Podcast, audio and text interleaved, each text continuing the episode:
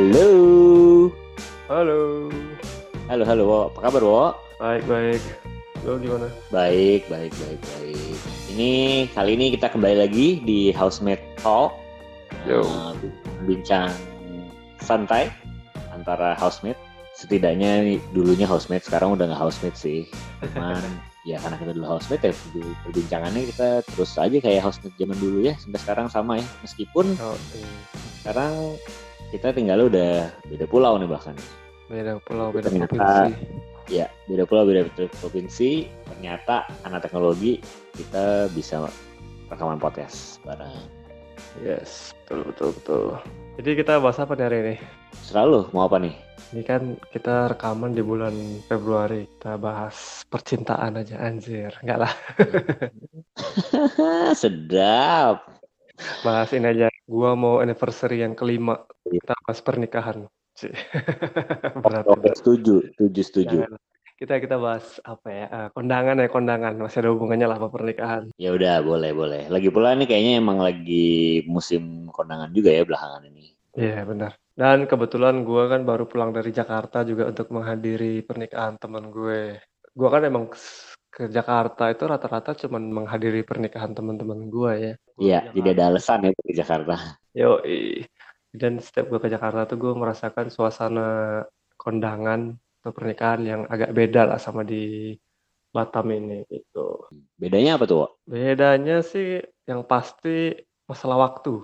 Oke. Jakarta tuh pernikahan rata-rata kan di gedung ya, dan Ya. cuman dua jam. Misalnya jam, jam berapa sih biasanya kok siang itu? Minggu itu biasanya siang ya, jam 11 ke 1 ya. Eh, tuh, tuh. Iya bener kan? Iya, Terus kalau bisa. malam malam 7 ke 9 bisa gitu kan. Kalau di rumah seharian, di sini banyak orang tuh nikah di rumah Oh, di, di oke. depan depan rumah ya biasanya bikin panggung pelaminan yang kecil terus eh, nutup jalan ya tapi atas izin tetangga-tetangga ya bukan di tapi rata-rata bukan bukan nutup jalan jalan gede ya tapi jalan kecil yang lu masih ada alternatif lewat jalan lain lah gitu terus yang bedanya apa lagi ya Oh, kalau gue perhatiin di Jakarta kan rata-rata standing party ya, kita berdiri. Itu yang VIP VIP duduk, sisanya berdiri. Iya. Nah, Mm-mm. nah, kalau di Batam tuh banyak disediain kursi, kayak kursi Oh, oke. kayak acara seminar gitu tuh. Nah, Dan banyaknya bentuknya, jadi kalau lu masuk ke pintu masuk, kan lu ngelewatin apa? ah, buku absen. Masuk. Buku absen. Itu lu masuk, ada biasanya ada yang panitia penyambut itu, lalu jalannya tuh lurus ke pelaminan tapi dibelah oleh kursi-kursi kanan kiri itu kursi-kursi gitu biasanya. Oh, ah kayak jalan di runway fashion show ya? Oh enggak lah, kursinya ngadep ke pelaminan. Kayak kayak pernikahan di Oh. di luar negeri lah di film-film Hollywood kan gitu kan tuh kursi-kursi ya kan. Oh iya iya iya iya iya iya iya. ngerti ngerti ngerti ngerti. Kalau pernikahan orang Chinese gue pernah datang sama kayak gitu. Yang pernah gue datang ya, ini mejanya Ya. dibagi- di dipisah eh, sisi kanan dan sisi kiri. Nah, sisi kanan tuh biasanya yang halal, sisi kiri yang non halal Makanannya. makanannya. Tapi mejanya meja-meja bunder-bunder gitu. Oh, oke oke Dan oke gue oke. kan gue selalu awkward kalau makan di meja bundar dengan orang yang gue gak kenal. Ya, tapi kan itu sebenarnya meja-meja bundar kan memang meja-meja buat sekedar ya udah makan aja kan. Iya. Nggak Oh, dan siapa duduk siapa di mana kan. pas gue datang ke pernikahan temen gue yang Chinese, makanannya yang disajiin, bukan yang kita ngambil prasmanan. Oh, oke. Menu Oke, misalnya oke. ya, makanan pembuka apa, terus makanan beratnya apa, baru dessertnya apa gitu. Disajiin per eh, porsi ya. Per Per porsi orang. apa- atau di tengah, makan tengah gitu deh kalau nggak salah. Oh, makan tengah. Jadi Oke, agak, agak, agak awkward juga tuh kalau lu sharing sama orang yang lu gak kenal. Iya sih, lebih awkward. Ya, kayak lu prasmanan di hotel kali ya, tapi bedanya ini taruh di meja. Iya bener. Kalau ngomong-ngomong masalah yang eh, nikahannya di rumah, kalau di Jakarta sih masih ada. Biasanya kalau gue lihat yang orang-orang Betawi itu biasanya eh, mereka emang pasti harus ada nikahan yang di rumah. Meskipun misalnya mereka bikin acara di gedung, tapi pasti salah satu hari akan di, dialokasiin untuk bikin acara di rumah. Terus ya tergantung ya eh, mereka hidangannya apa. Cuma pas biasanya sih kalau gue perhatiin yang pasti roti buaya, ada pisang sama teh manis gitu ya. Lu juga ada ya waktu itu ya? Ada, istri gue kan orang Betawi. itu juga waktu lu di ya lu kan waktu itu nikahnya dua kali nih berarti kan. Uh, yang satu lagi kan di satu di Bandung satu di Batam. Bukan nikahnya dua kali acaranya dua kali. Lu ngeri banget ngomongnya. Iya betul betul betul. Gue ulang gue ulang gue ulang gue ulang. Iya jadi jadi uh, acaranya dua kali uh, gue ralat. Yang pertama di Bandung yang kedua di Batam. Nah, yang di Bandung itu adat Betawi kan ya, yang di Batam adat Jawa ya. Gak, gue sebenarnya kalau dibilang itu adat apa, gue bingung juga ya. E, mungkin kalau yang di Bandung itu nggak full Betawi sih, tapi ada lah adat Betawinya. E, sebenarnya pas gue datang itu baju gue kan di baju baju Jawa kayaknya gue pakai. Pas mau baju baju Jawa ya? Jawa Betawi pas, apa? Ya pas ya, pas akar terlalu pas akar itu oh pas akar uh, kan gue datang oh. dengan iring-iringan keluarga disambut dengan apa namanya tuh palang pintu. Betul pantun-pantunan itu lucu sih pantun-pantunnya. Iya. Gue ketawa-ketawa terus disayang kalau bokap gue jangan ketawa-ketawa kamu harus jaim calon pengantin. Oh iya ya habis itu ada silat-silatnya kan? Iya ada silat-silatnya.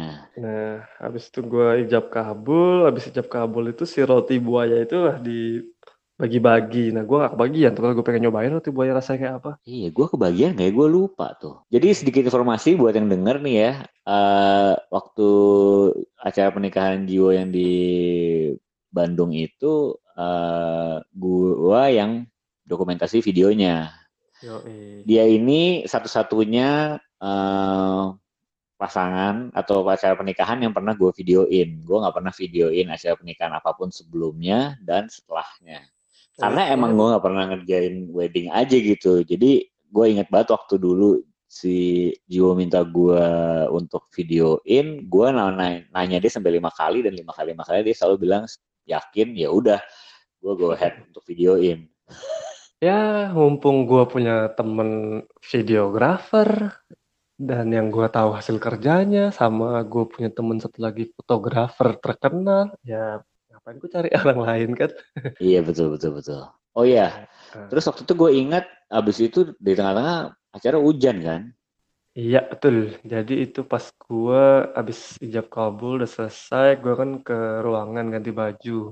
Nah pas jalan mm -hmm. ke pelaminan itu udah, udah mendung banget kan tuh. Gue nyampe pelaminan, tek, terus lagunya mulai, eh nggak di sorry lagunya tuh mulai pas gue lagi jalan ya. Gue nyampe iya. pelaminan yeah. baru ya berapa menit hujan. Terus ya udah gue kita tamu semua pada melipir ke tempat yang ada atapnya kan. Iya betul. Nah, tapi gue jujur aja pas hujan itu gue nggak stres atau nggak sedih atau apa sih. Gue happy happy aja. Soalnya uh, acara akadnya udah udah lancar alhamdulillah. Kan sebenarnya sakral itu akad ya.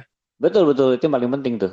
Yang penting itunya udah lancar. Jadi pas hujan pun gue masih ketawa-ketawa masih happy, happy. keluarga gue juga santai-santai aja nggak ada yang stres. Keluarga istri gue juga semuanya tenang terus pas hujannya agak mereda semua balik lagi keluar pada gue ke pelaminan sempat foto-foto lagi gak lama sempat hujan lagi kan tuh masuk lagi yeah. tapi gue gue masih ngeliat masih ada juga kok tamu yang ngambil makan walaupun hujan maksudnya masih masih pada menikmati lah gitu iya yeah, iya yeah. gue rasa sih mungkin udah lu plan kali ya? Atau mungkin kalau lu pakai WO juga mungkin WO-nya udah plan uh, dan udah ngitung bahwa kalau emang hujan ruangan yang apa area yang ada atapnya itu emang muat-muat aja. Jadi ya nggak ada yang perlu distresin dan yeah. satu lagi gue lihat juga ternyata hujan pun uh, dan lumayan deras waktu itu. Cuman pelaminan lu juga nggak rusak sih. Jadi masih bisa foto-foto kan abis itu? Iya Ya, tapi soalnya kan gue pernah denger lah cerita orang yang nikahnya hujan, terus dia sedih, ya ngerti sih soalnya itu kan kayak momen lu sekali seumur hidup. Iya. Hujan, tapi kalau gue sih emang udah ambil resiko nikah di bulan Februari masih sering hujan, jadi ya sudah, tapi dan untungnya ya masih bisa di-handle lah. Iya, iya. Masih happy, masih pada bertahan di nikahan gue sampai beres, teman-teman gue juga masih pada dari dari awal sampai beres masih ada. Cuman banyak yang ngeluhnya macet. Hari itu memang lagi banyak acara di Bandung dan lagi banyak nikahan, jadi macet di mana-mana. Iya, itu iya sih. Untung gue udah naik duluan sih. Apalagi nikahan gue kan di apa sebetulnya gunung, di bukit ya agak jauh lah ya. Iya betul betul. Iya, gue sih kalau ngomong hujan pas nikah waktu pernikahan gue sih gue emang kayak udahlah, pokoknya nggak ada tuh namanya outdoor, gue nggak mau pusing, jadi semuanya indoor aja, yang pasti-pasti Ya, aja. ya, ya, ya. Ngomong-ngomong soal nikahan yang tidak sesuai rencana, Mhm. gue pernah tuh di Bandung datang ke nikahan temen gue, itu nggak ada cateringnya nggak dateng. Wah, itu kasihan banget ya. Iya, tapi eh ya gue ngeliat lah dari mukanya dia sedih segala macam. Eh itu kalau nggak salah di hari itu ada berapa nikahan yang cateringnya nggak datang. Mungkin dari sumber Waduh. yang sama ya cateringnya. Tapi itu setelahnya apakah teman lu sempat cerita gitu ternyata kenapa gitu? Gua itu pernah baca beritanya memang jadi kayaknya si cateringnya ini bermasalah dengan bahan baku. Mereka berhutang ke suppliernya, jadi suppliernya nggak ngasih nggak ngasih bahan baku atau kalau nggak salah gitu deh. Oh, oke. Nah, jadi oh jadi kalau tidak salah akhirnya yang punya tempat itu kayak ngasih makanan kecil ya. Hmm. Tapi gue dan yang teman-teman gue yang hadir kita santai-santai aja. Masalahnya kita kan datang bukan ngincar makanannya, tapi kan lebih ke ya menghadiri ke pernikahannya, ketemu teman-teman, foto-foto, senang-senang. Jadi nggak ada makanan ya no problem lah buat kita ya. Iya, iya, iya. Maksudnya kan lu emang niatnya datang karena menghormati undangan dari teman lu ini kan. Ya mungkin ada lah pasti yang nyinyir-nyinyir yang ih nggak ada makanan, tapi sebenarnya kita kan bukan untuk makanannya lah, kita senang-senang aja lah. Kesian juga kan yang punya acara jadi kalau jadi diomongin begitu. Ujung-ujungnya juga habis dari kondangan biasanya lanjut lagi makan rame-rame sama temen-temen kan. Ya lagi pula kalau emang temen yang bener ya lu nggak ngata-ngatain lah lu kasihan kali simpati kali lagi pula kan temen lu bukan secara sengaja emang nggak pesen catering gitu loh itu itu bener-bener kayak ini ya kayak kasus yang WO WO bodong gitu ya sekarang sekarang ini ya Ya yang baru baru happening berapa hari yang lalu ya. iya itu kasihan sih gue sempat lihat kan eh, kayak foto-foto pas nikahannya bener-bener nggak ada catering dan nggak ada dekor kayak bener-bener nggak ada aja gitu Itu jahat banget ya. Gila sih itu. Ya untung akhirnya ketangkep kan. Tapi ya itu pelajaran untuk semua orang ya bahwa kita harus lebih selektif. Mau nggak mau mesti ngelakuin background check, ngelihat eh, pengalaman orang. Jadi yang gini-gini emang udah paling bener pertama mungkin datangnya dari temen yang udah pernah pakai dan kita mungkin datang ke acara jadi tahu kayak apa. gitu. Rasanya, apa, Iya. eh, servisnya itu penting ya buat nikahan. Mhm, Jadi mau catering, mau dekor itu kalau kita udah pernah lihat kayak apa mereka mendekor, kayak apa mereka bikin makanan, terus udah gitu memang direkomendasikan sama teman, lebih percayalah dan setidaknya orang ini memang lebih kredibel. Gitu. Kalau nikahan lu waktu itu semua dari in-house ya, dari si yang tempatnya. Waktu gua menikah memang kita putusin untuk eh, nikahnya di restoran supaya lebih efisien juga eh, makanan dan sewanya langsung jadi satu dalam bentuk minimum spending. Kemudian juga kita pilih restoran yang dekorasinya udah lumayan bagus sehingga kita tidak perlu nambah banyak dekor. Nah, sering gue sama istri gue datang ke kondangan tuh susah buat ngobrol. Nah, biasanya tuh karena mungkin musiknya terlalu keras.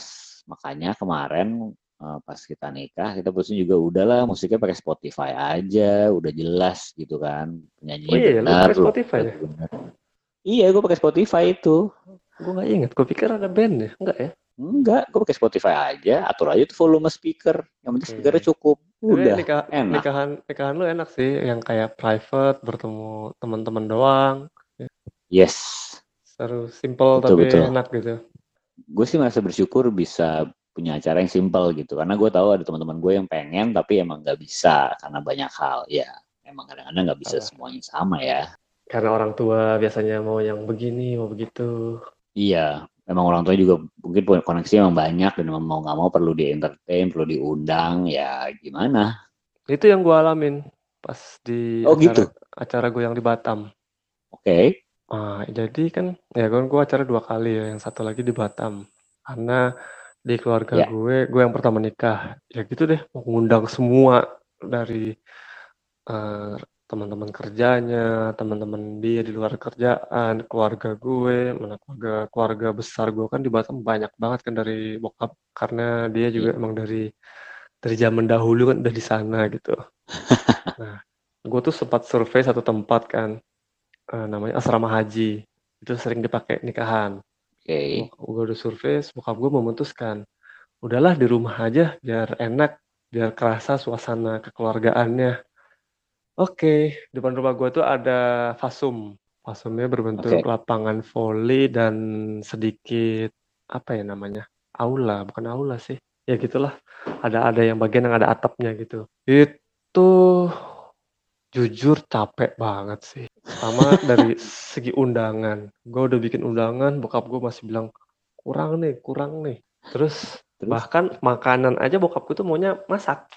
Apa sebutannya? Kayak masak sama keluarga dan tetangga membantu masak. Jadi bude gue itu bikin panitia uh, bersama Bu RT dan ibu-ibu tetangga-tetangga. Ada yang masak, ada yang ini itu segala macam lah. Uh, menunya itu salah satunya paru goreng yang dibikin di rumah gue. Gue sendiri nggak suka sama paru kan. Apa lo nggak suka paru? Kagak, apaan tuh makan jerawan sih. Nih sombong lo menikmati apa melewatkan kenikmatan dunia lo. ya, jadi rumah gue tuh bau paru berhari-hari tau Terus lantai rumah jadi lengket. Wah, pokoknya chaos deh itu rumah gue gara-gara acara nikahan. Sampai beres beres acara uh, sepupu gue beli kaporit. Oke, okay, terus buat taruh di parit deket rumah biar ya ngilangin bau biar apalah nggak ngerti gue pokoknya mencoba mengembalikan kondisi rumah ke sebelum acara. Nah, caranya sendiri itu gue mulai dari jam 11 pagi. Nah, acara, tapi acara yang di Batam lebih simpel sih, nggak pakai kayak nggak pakai dulu. Ah, itu nggak nggak pakai, cuman gue dalan dari rumah gue ke depan, ke, ke, ke pelaminan, udah aja langsung orang tamu datang salaman. Oh, konsepnya juga setengah makanan prasmanan yang dimasak oleh ibu-ibu tadi, sisanya yeah. kayak ngambil stall-stall uh, makanan rakyat. Oh oke. Okay. Jadi gua gua datang ke tukang gorengan langganan, gue bilang bang jualan di tempat, eh, bukan jualan sih, eh, apa namanya? Ya di ke tempat gue, terus ada juga es es apa namanya? Es doger ya, es doger, ada macam-macam lah. Ya. Tuh, jadi kayak kayak bazar makanan rakyat. Oke, seru sih itu. Seru sebenarnya. Uh, ya udah tamu sampai siang, sore itu kan gua acara dari jam 11 sampai malam tuh. Capek juga sih. Iyalah sampai malam dari pagi sampai malam gila itu mah. Nah, gua baru menyadari eh, di nikahan gue tuh ada dua band. Wow, gaya loh. Yoi, satu band masa kini lah ya, yang lagunya cenderung pop, jazz gitu-gitu. Oke. Okay. Yang bandnya juga personil masih muda-muda. Satu lagi yang organ tunggal plus keroncong. Wih, Nah, jadi selama ini kan gue suka yang kalau ke nikahan, kok lagunya lagu nikahan begini sih gitu kan. Iya. Yeah. yang temanya Tau gak lo kalau lagu nikahan yang paling sering dipakai itu yang lagunya Bruri Marantika sama Dewi Yul. Ada ya? Ada tuh yang itu intinya tentang putus lah kalau nggak salah. Sebenarnya kan gak cocok okay. buat nikahan kan. Iya sih, itu aneh sih. Nah, tapi gue baru ngeh tuh pas di nikahan gue sendiri. Jadi pas band yang si anak muda ini, itu banyak yeah. tamu-tamu yang keluarga jauh gue atau temen-temen jauh bokap gue yang uh, ibaratnya apa ya, menengah lah, keluarga menengah dan menengah ke bawah. Iya. Yeah itu mereka tuh yang ini lagu apaan sih gitu. Ah, oke. Okay. Mereka tidak menikmati, tapi yang ngerti yang menikmatin. Nah, pas giliran yang organ tunggal, jadi kan gue selang-seling selang-seling gitu lah berapa lagu ganti, berapa lagu ganti. Pas yang organ okay. tunggal, lagu-lagunya lagu-lagu begitu atau lagu ah, kok salah ada dangdut deh. Itu pada seneng, pada pada menikmatin semua yang orang-orang itu. Oh. Jadi gue yang oh berarti emang ini tuh band tuh emang buat menghibur mereka. Jadi bukan masalah untuk si yang nikahnya gitu. Hmm. Menurut gue gitu, gue nangkepnya sih gitu ya. Iya iya, wah iyalah kan maksudnya itu kayak performance sih orang datang ada yang menghibur. Nah pertanyaannya, jadi ada juga di nikahan lo lagu Dewi Yul itu? Ada. ada. Jelas ada dong lagu itu. Sama lagu-lagu ah, banyak deh lagu-lagu yang macam-macam, lagu-lagu yang 90s 90s yang ya pop Melayu itu juga ada dangdut keroncong berbagai macam deh. Kalau yang band satu lagi tuh jazz oh, jadi cukup gaya lah. Menarik dong berarti seluruh spektrum musik ada. Iya iya. Dan besokannya itu yeah. bokap gue masih ngadain acara eh, acara buat hibur warga sekitar lah. Lu tahu acara apa? Apa? Kuda lumping. Buset itu pada demen terus, terus itu datangin dari mana datangin dari mana ya ah, jadi memang bokap gua kan uh, dekat sama paguyuban orang-orang Jawa itulah ya jadi oh, mereka, okay. mereka lah yang diundang. Ah, jadi kan kalau kuda lumping itu ada yang adegan kesurupan-kesurupan itu ya. Betul. Dia nyariin nyariin gue ke rumah. Nah lo, terus? Tapi guanya lagi pergi, gue nganterin keluarga istri gue ke bandara, jadi gue gak ketemu. Selamat dong lo ya. Lumayan, serem juga itu orang kesurupan. well, kita udah tahu kayak apa rasanya. itu kita bahas. Itu buat bahasan. Ah, betul, betul, betul, betul, betul, betul. Em, nah, yang gue mau nanya ke lo, gue sering lihat di Instagram lo, lo suka kondangan tapi ke pulau. Itu pengalamannya beda gak sih? Eh, jelas beda ya dari segi berangkatnya juga beda kan. Biasanya kita naik mobil, naik Iya. naik motor lah orang kondangan naik motor. Ini gue harus naik perahu. Jadi perahunya Oke. ini disebutnya pancong. Pancong itu perahu kayu, tidak sekecil sampan ya, agak gede dikit. Mungkin muatannya bisa bisa 20 orang, kayaknya lebih deh. Tapi Oh ya lumayan. eh, pakai mesin. Iya, ya kayak kapal nelayan sekarang lah ya. Ya, ya. Nah, itu gue gua jadi gue sebenarnya kalau kondangan di pulau itu cuma baru pernah dua pulau ya, namanya Pulau Belakang Padang. Itu kira-kira 15 menit dari Batam sama Pulau Kasu itu kira-kira setengah jam. Nah, Hmm.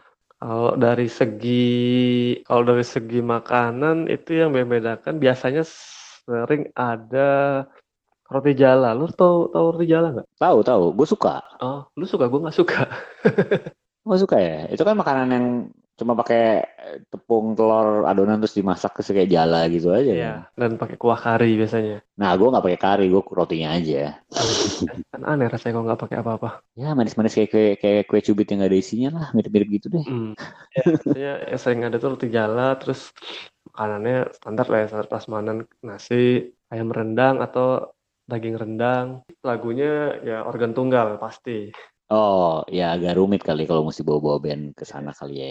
Dan biasanya memakai halaman-halaman tetangga juga kepake lah. Jadi sangat penting hidup bertoleransi di pulau. Oh, tapi dari sisi prosesi semua sama lah ya. Sama sih, sama. Tapi yang lucu tuh kemarin eh, gue pas nikahnya di Pulau Kasu, itu kan Iya. outdoor ya, di- kayak di lapangan, eh, di Fasumnya lah, itu kecil. Itu pulau juga, pulaunya kecil banget ya. Nah, Iya. itu ada kambing berkeliaran. gue sambil makan ada Ya, kambing, kambing di depan gue, gue agak-agak ngeri juga. Aduh, aduh, aduh. kenapa ngeri? Ya, gue ngeri aja dideketin binatang deket-deket gitu. Iya sih, lu masih geli sama binatang-binatang ber- berambut kan lo. Iya, gue deketin kucing ya, gue takut apalagi deketin kambing. Takut diseruduk.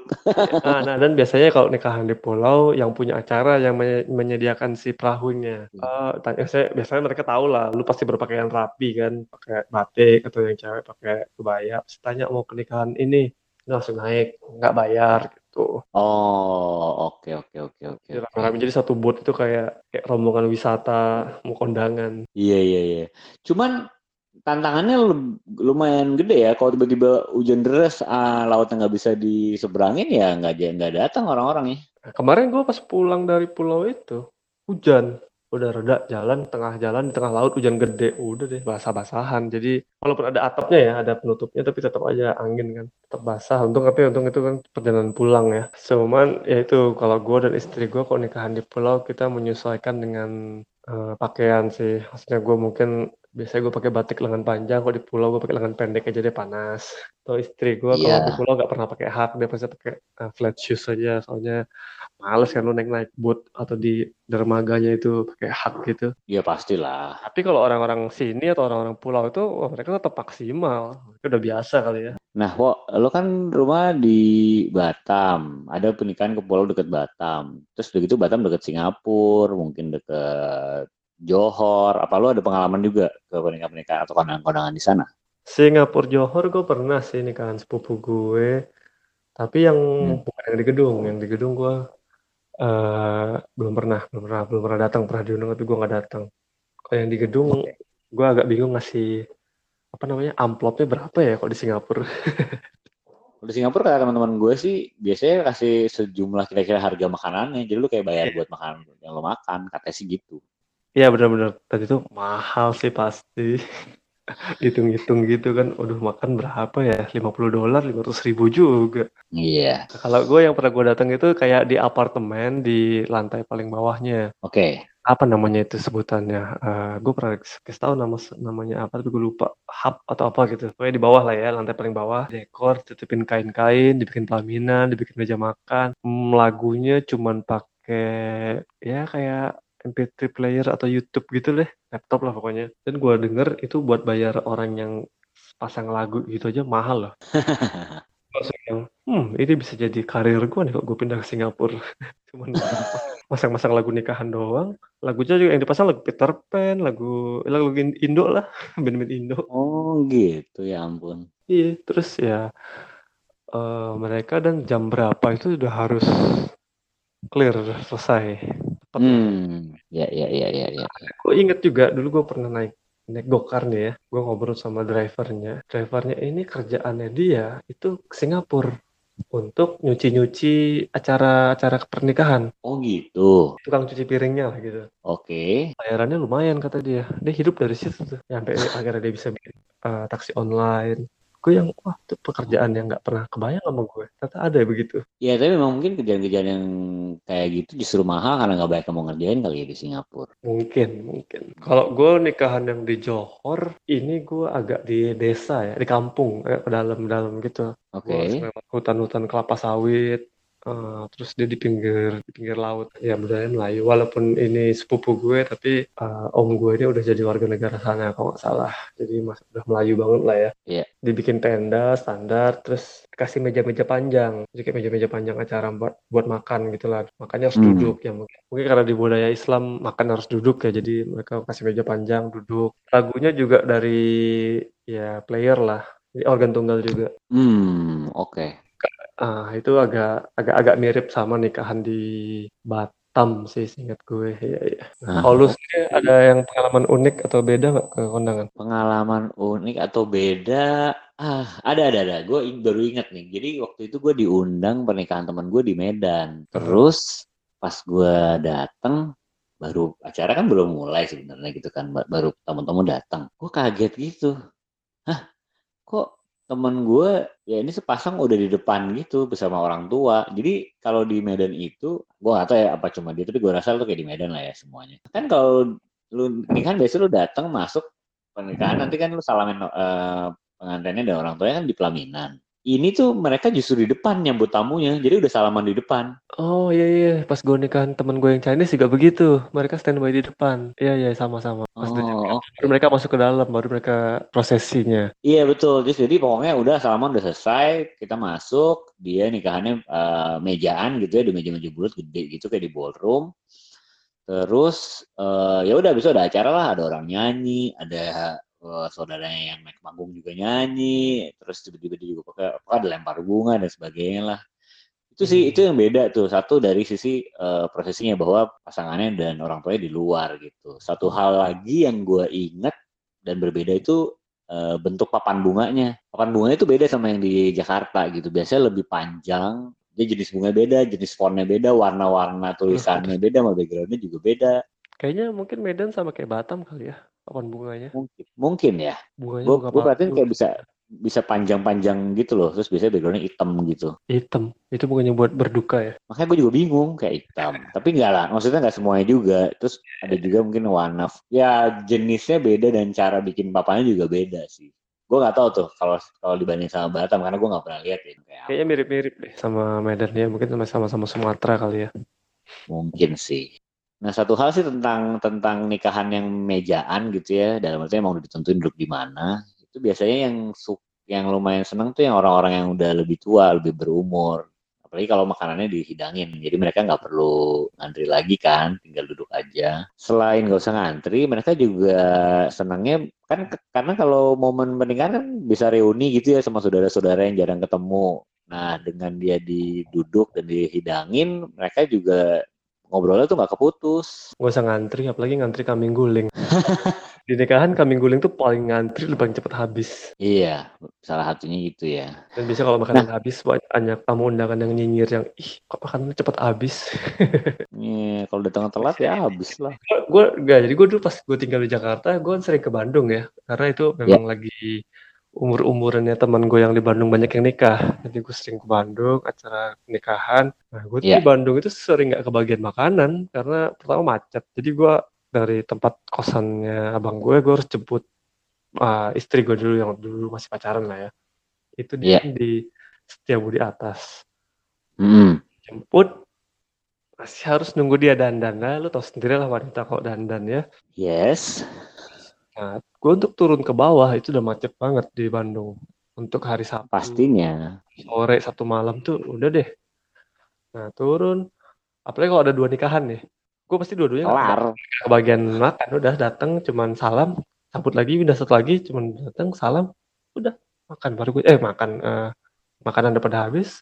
Ya udah gue mau nyari makan tempat lain gitu terus. Jadi gue dulu sangat sangat jarang merasakan makanan nikahan. Sama di satu sisi dulu gue suka malas ngantri sih. Tapi iya sih gue akuin sih kalau lo datang ke nikahan yang undangannya banyak banget, kadang-kadang antriannya udah bikin lo malas ngantri duluan ya. Yes, betul. Ya, jadi kayaknya itu kali ya eh, sedikit banyak pengalaman-pengalaman kita sama kondangan-kondangan yang pernah kita samperin. Eh, ada yang oke, ada yang kadang kita jadi simpati sama yang punya acara gitu ya. Ya nggak sih, Wo? Tuh ya, yang penting ya kondangan kalau yang punya acara udahlah nggak usah diambil pusing, lo nikmatin aja momen itu, nggak usah dengerin, nggak usah takut omongan orang lah ya. Betul, betul banget. Yang penting kan lu happy. Jadi Yang bayar nikahan kan lu sendiri, bukan orang itu. Iya, betul, betul, betul, betul. Jadi ya buat pendengar di sana, di luar sana yang belum menikah, ya kalau lagi mau nikah udah jangan terlalu pusing. Pasti ada sedikit pikiran di sini dan di situ gitu, cuman berusaha untuk selalu tenang aja, santai aja, eh, nggak usah terlalu stres gitu ya, nanti malah jadi nggak happy sendiri. Itu aja sih, Ya betul betul. dibawa santai aja. Cie, sotoy banget kita kayaknya. So udah nikah udah lama banget ya. Iya, baru ngomongin urusan kondangannya doang padahal nih. Belum- belum belum tentang pernikahannya ya. Wah itu sih beda-beda deh. Gue sih nggak mau ngomong deh. Gue juga nggak ahli tuh.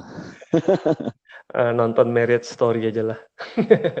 Gitu ya. Gue malah belum nonton tuh. Gue belum nonton deh. Atau nonton Blue Valentine. Nah, itu. Iya ini pembicaraan kita ujung-ujungnya ngomongin film ya. ya nggak salah kan kita udah bilang di podcast-podcast sebelumnya. Iya nggak? Pasti ada selipan-selipan film. Iya. Well anyway. Kayak Oke. kita udah mesti jalan lagi nih. eh, Bubar-bubar untuk untuk pembicaraan kali ini gitu ya. Eh, gue Dimas dari Jabodetabek yang cuacanya saat ini akhirnya panas. Karena dari tadi subuh sampai kita tadi mulai recording tuh cerah. Terus tiba-tiba hujan deras. Cuman 2-3 menit berhenti. Cerah lagi, deras lagi gitu. Jadi cuacanya agak nggak jelas. Sekarang udah panas sih, nggak tahu nih hari ini bakal gimana. Kalau di sana gimana, Wo? Ini sama kayak sana. Hujan panas, hujan panas. Tapi kalau sekarang kebetulan gue udah dalam ruangan yang gak ada jendela, jadi gue gak tahu kondisi di luar gimana. gue Karisma Jiwa dari Batam. Out. Gue Dimas dari Jabodetabek. Dadah.